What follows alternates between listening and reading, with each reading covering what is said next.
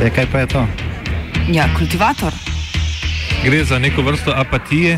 To lahko reče samo kreten, noben drug. Socialni invalid in ga je ne mogoče urejati. Drugi kandidat. Pa, pa pije, kadi, masturbira, vse kako ti človek počne. Nihče tega ne ve. Vsak petek skultiviramo dogodek tedna. Lahko po kriterijih radio študent, težko pa po evropskih kriterijih. Ampak na drug način, kot vi tu mislite. Kultivator vedno užge. Da pač nekdo sploh omenja probleme, ki so, in da pravzaprav sploh nekdo sproži dogajanje uh, v družbi. To drži, drži.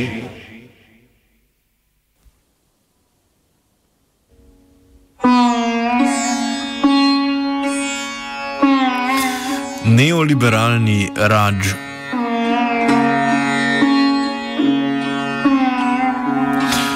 Lev kup, lev kup, boga gmajna ali deli čalo, deli čalo. Pojdimo v Delhi. Indijski kmetje protestirajo proti zakonom Modijeve vlade, za katere se bojijo, da pomenijo še dodatno poslabšanje njihove že tako slabe situacije. Kmetje so ta teden svojo stavko proti zakonom, namenjenim liberalizaciji kmetijstva, še stopnjevali in jo razširili v splošno državno stavko.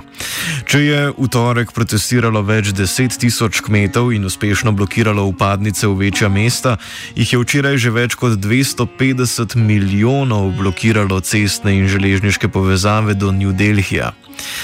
Kmetje in več kot 450 sindikatov ter kmečkih združenj zahtevajo preklic treh novih zakonov o kmetijstvu, ki zmanjšujejo regulacije kmetijskega trga, povečujejo moč korporacij, kmet, kmetje pa svarijo, da bodo zakoni negativno vplivali na že zdaj nizke odkupne cene kmetijskih izdelkov.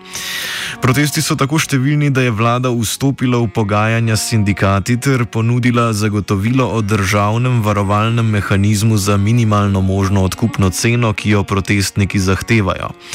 Ti so predlog zavrnili in napovedali stopnjevanje protestov, če vlada ne prekliče teh treh zakonov. Trije vladni zakoni, ki jih je predlagala stranka BJP predsednika Narendra Modija, so bili sprva sprejeti z odloki junija 2020. Modijeva vlada je namreč izkoristila obdobje popolnega zaprtja javnega življenja, vključno z zaprtjem parlamenta, in te tri zakone brez soglasja parlamenta sprejela prek izrednih odlokov. Po izteku šestmesečne veljavnosti izrednih odlokov so bili zakoni oktobra potrjeni v spodnjem domu parlamenta, kjer ima BJP večino, ne pa tudi v zgornjem domu parlamenta, kjer je nima. Zakoni so bili vseeno sprejeti, saj je Modijeva vlada opoziciji v zgornjem domu preprečila glasovanje in zakone razglasila kot sprejete. Protesti so se na to moč, močno razplamteli v zadnjih dveh tednih, ko je Indija sprostila nekatere epidemijske omejitve gibanja. Navjug Gil, strokovnjak za agrarno zgodovino v Punjabu in profesor zgodovine na Univerzi v New Jerseyju, predstavi poročanja svojih prijateljev, ki so proteste spremljali na terenu. What we saw on November 26th was simply incredible. You had tens of thousands of people gathering to march to the capital of their city uh, to demand a repeal of these laws. They were met by legions of armed riot police, tear gas canisters, and water cannon. And through sheer collective will, the protesters pushed past the police and marched on Delhi. And rather than entering the city and being corralled, they halted at the outskirts and shut down the main arteries to the city until their demands were heard. India, I don't think, has ever seen a protest of this scale um, with solidarities built across caste, religious, class and regional lines um, that is determined to put pressure on the government in a meaningful way. These are not symbolic gestures. This is a real uh, life or death issue for farmers. Posebnost te zakonodaje, poleg omenjenih glasovalnih nepravilnosti, je tudi kraj sprejetja zakonov. Do oktobrskega sprejetja teh treh zakonov je kmetijska zakonodaja v skladu z ustavo vedno spadala zgolj v pristojnost zvezdnih držav. Odtot tudi izvira velika raznolikost nivoja reguliranosti kmetijskih trgov po državi. Centralne vlade so sicer vsake toliko pritiskale na zvezdne države naj spremenijo kmetijsko zakonodajo v smeri liberalizacije. Sedaj pa si je Modijeva centralna vlada določila, da je njena naloga direktno liberalizirati kmetijstvo in ga pripraviti do večje produktivnosti in dobičkov. Indijsko kmetijstvo namreč letno dosega le 3 odstotke gospodarske rasti, predvsej manj kot naprimer storilnostna industrija. Po drugi strani je v kmetijstvu in z njim povezanih dejavnostih zaposlenih 45 odstotkov Indijcev. Navil Gil o tem, zakaj so bili zakoni sprejeti prav sedaj. Farmer unions are up in arms because they were not consulted about these bills when they were devised uh, earlier in the year, and uh, they were rammed through during a pandemic, um, which makes no sense at all. And so, uh, what people have sort of figured out is that this is a time when um, all sorts of other industries in India are uh, either static or declining um, because of the pandemic. Uh, India is going to be in a recession this year, and the one uh, sector of the economy that is still buoyant is agriculture because people will still have to consume food. And so the private companies, particularly the Ambani group and the Adani group, really had their eyes on profiting from this sector because it was so large and hitherto had been protected from deregulation. Mm. Prvi izmed zakonov se nanaša na sprostitev regulacij kmetijskih trgov.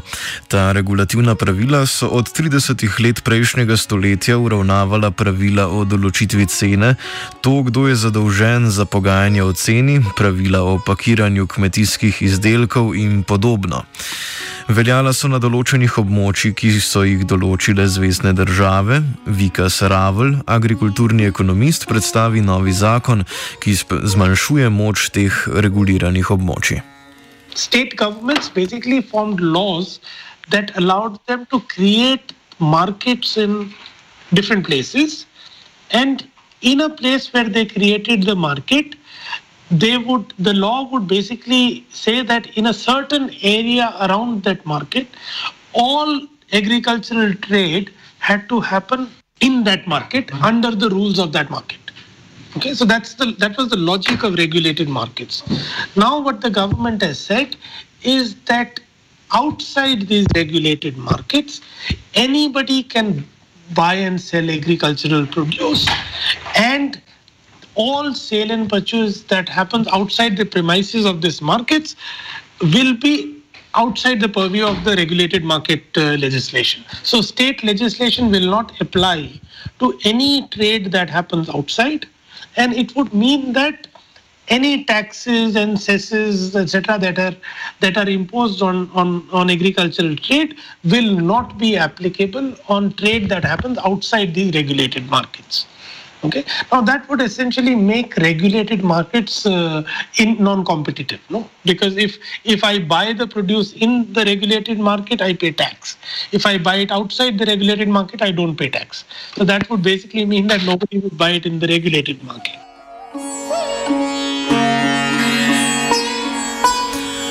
Drugi sprejeti zakon se nanaša na kopičenje nujnih produktov, med katere je v preteklosti spadala hrana.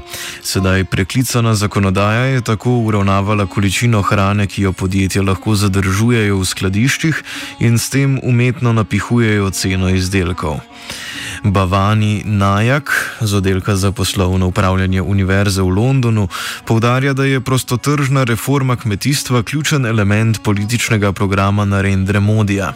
Ključna za to agendo je ukinitev zakonodaje, ki je prepovedovala kopičenje nujnih produktov, da bi preprečila ustvarjanje umetnega pomankanja.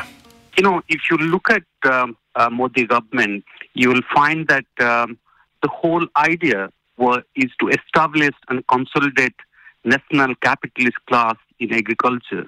And the whole idea is to corporatize and marketize agriculture by reforming existing rules and regulations on agriculture.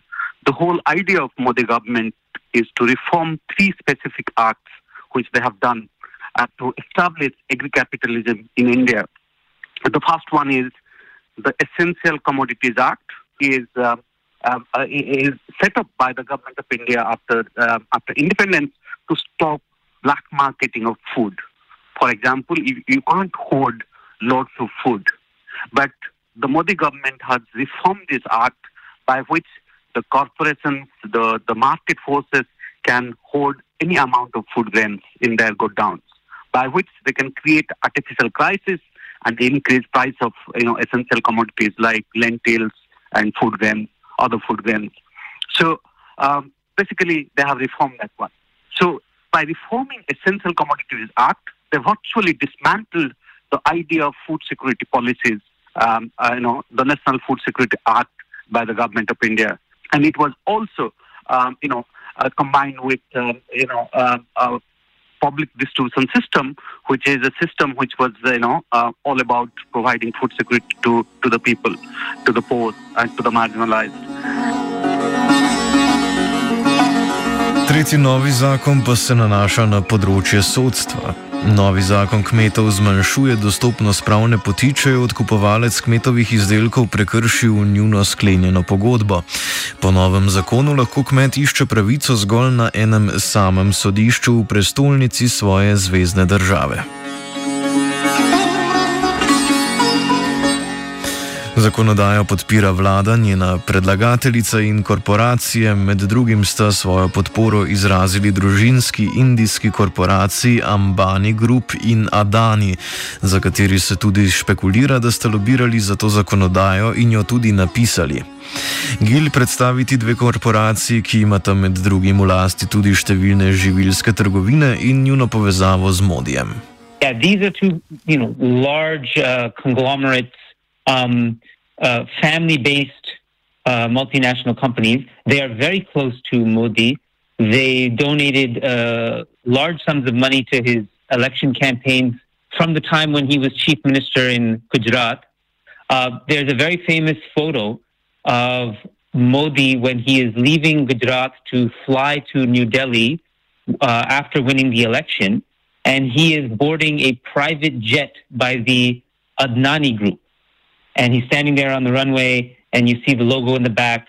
So he is very much in league with uh, these two uh, corporations. Now, these companies have vast holdings. You can't even really pinpoint uh, what exactly they do.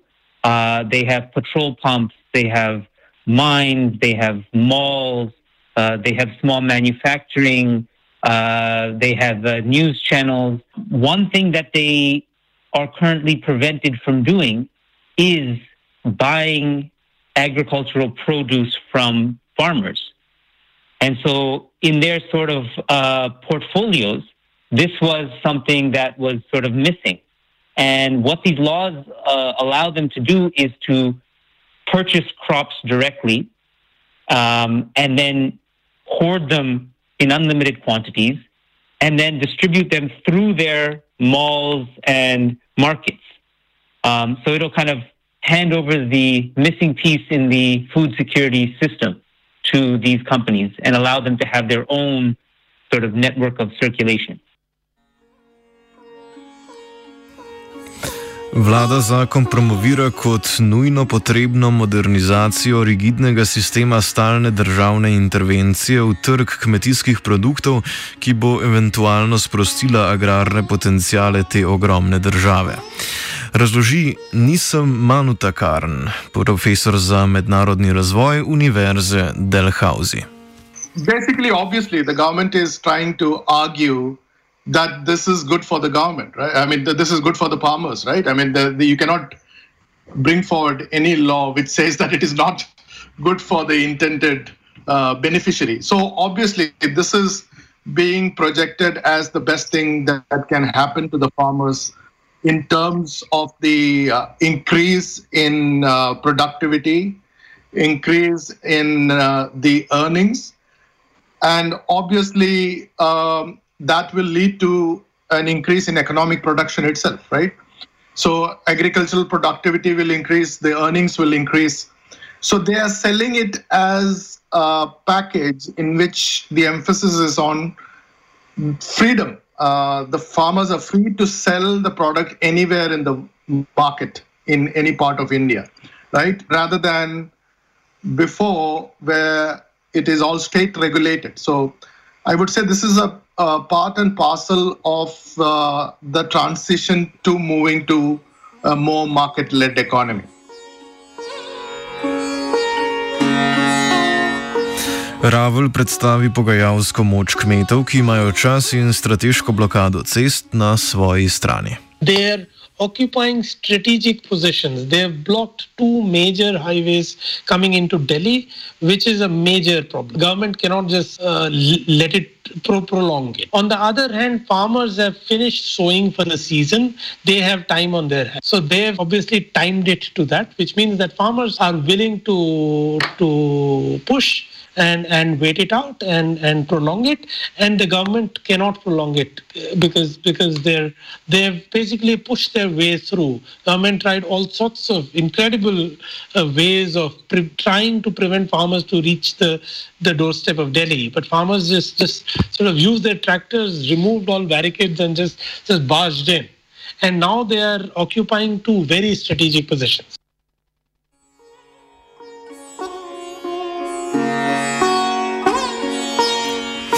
Pomemben del te pogajalske moči so tudi sindikati. V protestih po celotni Indiji je vključenih preko 450 sindikatov in kmečkih združenj. Ravel izpostavi, da so sindikati v Indiji precej fragmentirani, vendar tokrat združeni v enotnem zavračanju vladnih pogajalskih kompromisnih predlogov. that the unions are actually not unified. Uh, the states that where this has been uh, strongest, the protests have been strongest, the state of Punjab and Haryana. These are two states in which farmer organizations are actually quite fragmented. They've historically been quite fragmented, but uh, this is something, this is an issue on which practically everybody is opposed to the law. This is something that uh, the issue is one which has united all the farmers. So you know, despite the fact that there are large number of organizations, there are 32 different organizations just in the state of Punjab. In one state, there are 32 organizations which have formed a collective uh, uh, to, to lead the struggle in that state. Uh, the All India Kisan Sangharsh Samiti is an umbrella organization of over 250 organizations. So it's really very dispersed and, and fragmented, but they are totally united on the demand that. Uh, uh, they they want a repeal of the law. So far, the farmers have been uh, uh, completely united in saying that they, they don't want, uh, you know, a few amendments here and there. They want a total uh, rollback of the laws. Protesti tudi takšni, katerih obseg je v katerikoli drugi državi praktično nezamisljiv, v Indiji niso nič neobičajnega. A vlada Narendra Modija se do sedaj na njih ni ozirala. Tokrat se zdi, da je situacija drugačna, saj vlada očitno čuti močan političen pritisk ulice. Kmetje so namreč preveč pomemben volilni blok, da se Modi ali njegova stranka BJP za ne bi zmenila. A moč kmetov, kot pravi Nisi Manatukaren, šibi njihova razdrobljenost. Of course, it, uh, it is a big uh, uh, voting bloc, but it's not one voting bloc, right? I mean, it is India is a country of many uh, states, regions, cultures, ethnicities, right? So there's not one political force which is representing the farmers across the state. So that's one problem in the sense that uh, they are divided uh, by regions, by states, and different uh, cultures and political cultures and so on. So of course they cannot ignore the farmers, and that is why it has uh, become such a big international news. Uh, for example, the Modi regime has, has been consistently ignoring the um, protests and resistance movements which have arisen in the in, in the Indian landscape in the last uh, seven years because these are constituencies which do not matter. For example, the Muslims and the anti uh, new citizenship laws protests which happened for like about four months. They just did not care. They, they, they didn't come to the uh, negotiating table because uh, the BJP, the Hindu Nationalist Party, can win without the Muslim vote. Whereas farmers are not like that at all. I mean, of course, they are divided, but they still uh, influence uh, politics in a big manner because nearly 50% of India's population is still dependent on agriculture in some form. And in places like the Punjab and Haryana and so on, uh, they are a huge, uh, uh, important political force, uh, and that is the case elsewhere in the northern part of India as well. And that is precisely why the first time the government has come to the negotiating table. This has not happened before with the other kind of protests. Um, especially with regard to the citizenship laws. Initially, there were attempts by the ruling regime and the supporters to paint these uh, farmers who are predominantly from Punjab as anti-nationals, as uh, as Punjabi Sikhs who are seeking a separate Indian state and so on. Uh, but that uh, failed precisely because of the fact that you cannot paint such a large block of population as anti-national.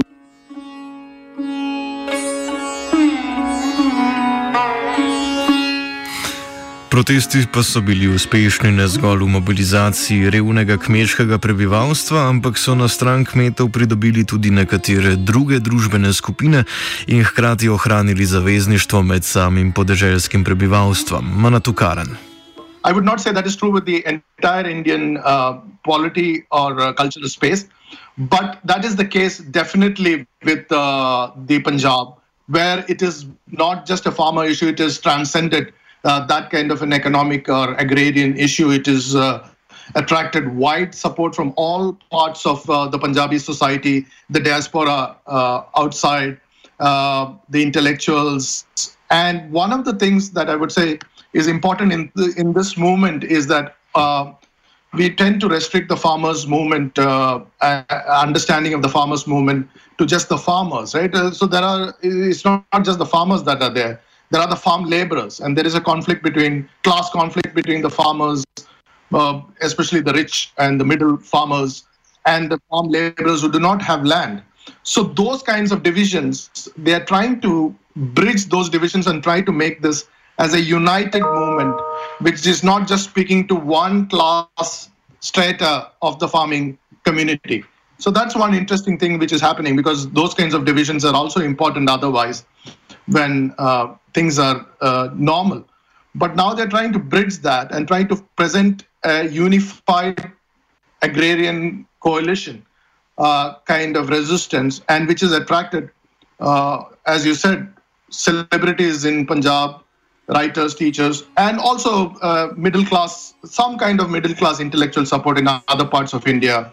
Uh, in Delhi, the capital, which is the most important political arena. Skoraj polovica prebivalcev Indije je še vedno v večji ali manjši meri odvisna od kmetijstva. Velika selitev spodeželja v mesta, ki se je v Evropi zaključila k malu po drugo, drugi svetovni vojni, na kitajskem pa v zadnjih desetletjih, se v Indiji kljub poskusom intenzivne industrializacije, ki jo je začel že oče nacije Jawaharlal Nehru, še ni zgodila.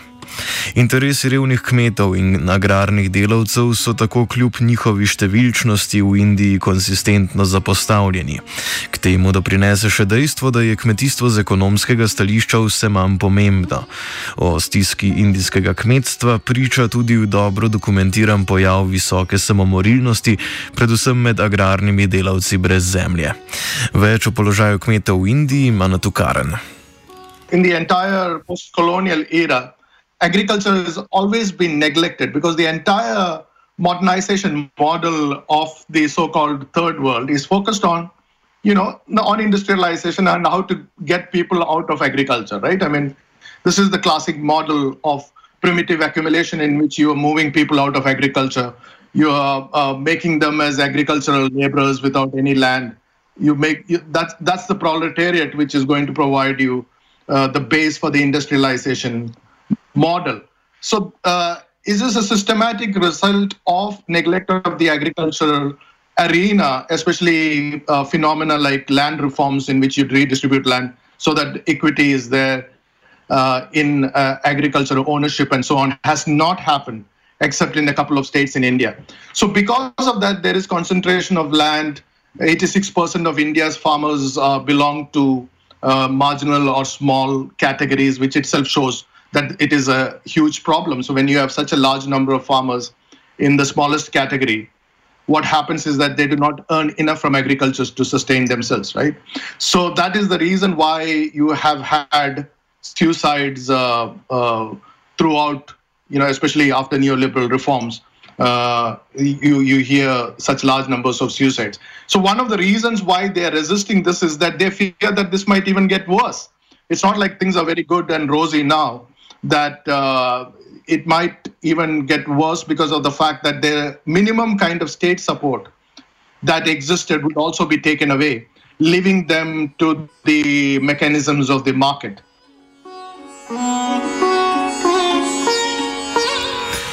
Do trenutnih protestov je tako prišlo zaradi več desetletnega ignoriranja težke situacije kmetov, ki bi jo novi zakoni še poslabšali. Med drugim ima 68 odstotkov indijskih kmetov izredno majhne posesti, ki komaj da zadoščajo za preživetje. Sedaj preklicani zakon o prepovedi skladiščenja kmetijskih izdelkov bo še dodatno znižal dobiček kmetov. Že sedaj je kmet 100 gramov koruze prodal za 8 rupi, ta pa je na to v trgovini stala 180 rupi.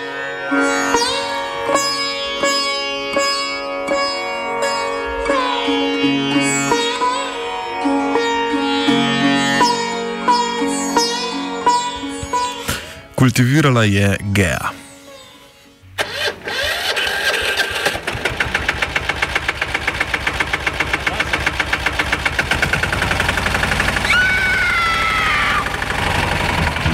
E, kaj pa je to?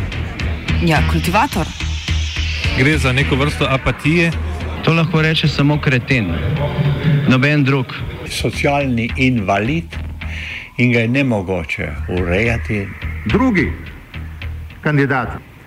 Pa, pa pije, kadi, masturbira, vse kako človek počne. Nihče tega ne ve. Vsak petek skultiviramo dogodek tedna. Lahko po kriterijih radio študent, težko pa po evropskih kriterijih. Ampak na drug način, kot vi to mislite. Kultivator vedno užge. Da pač nekdo sploh omenja probleme, ki so, in da pravzaprav sploh nekdo sproži dogajanje uh, v družbi. To drži, drži.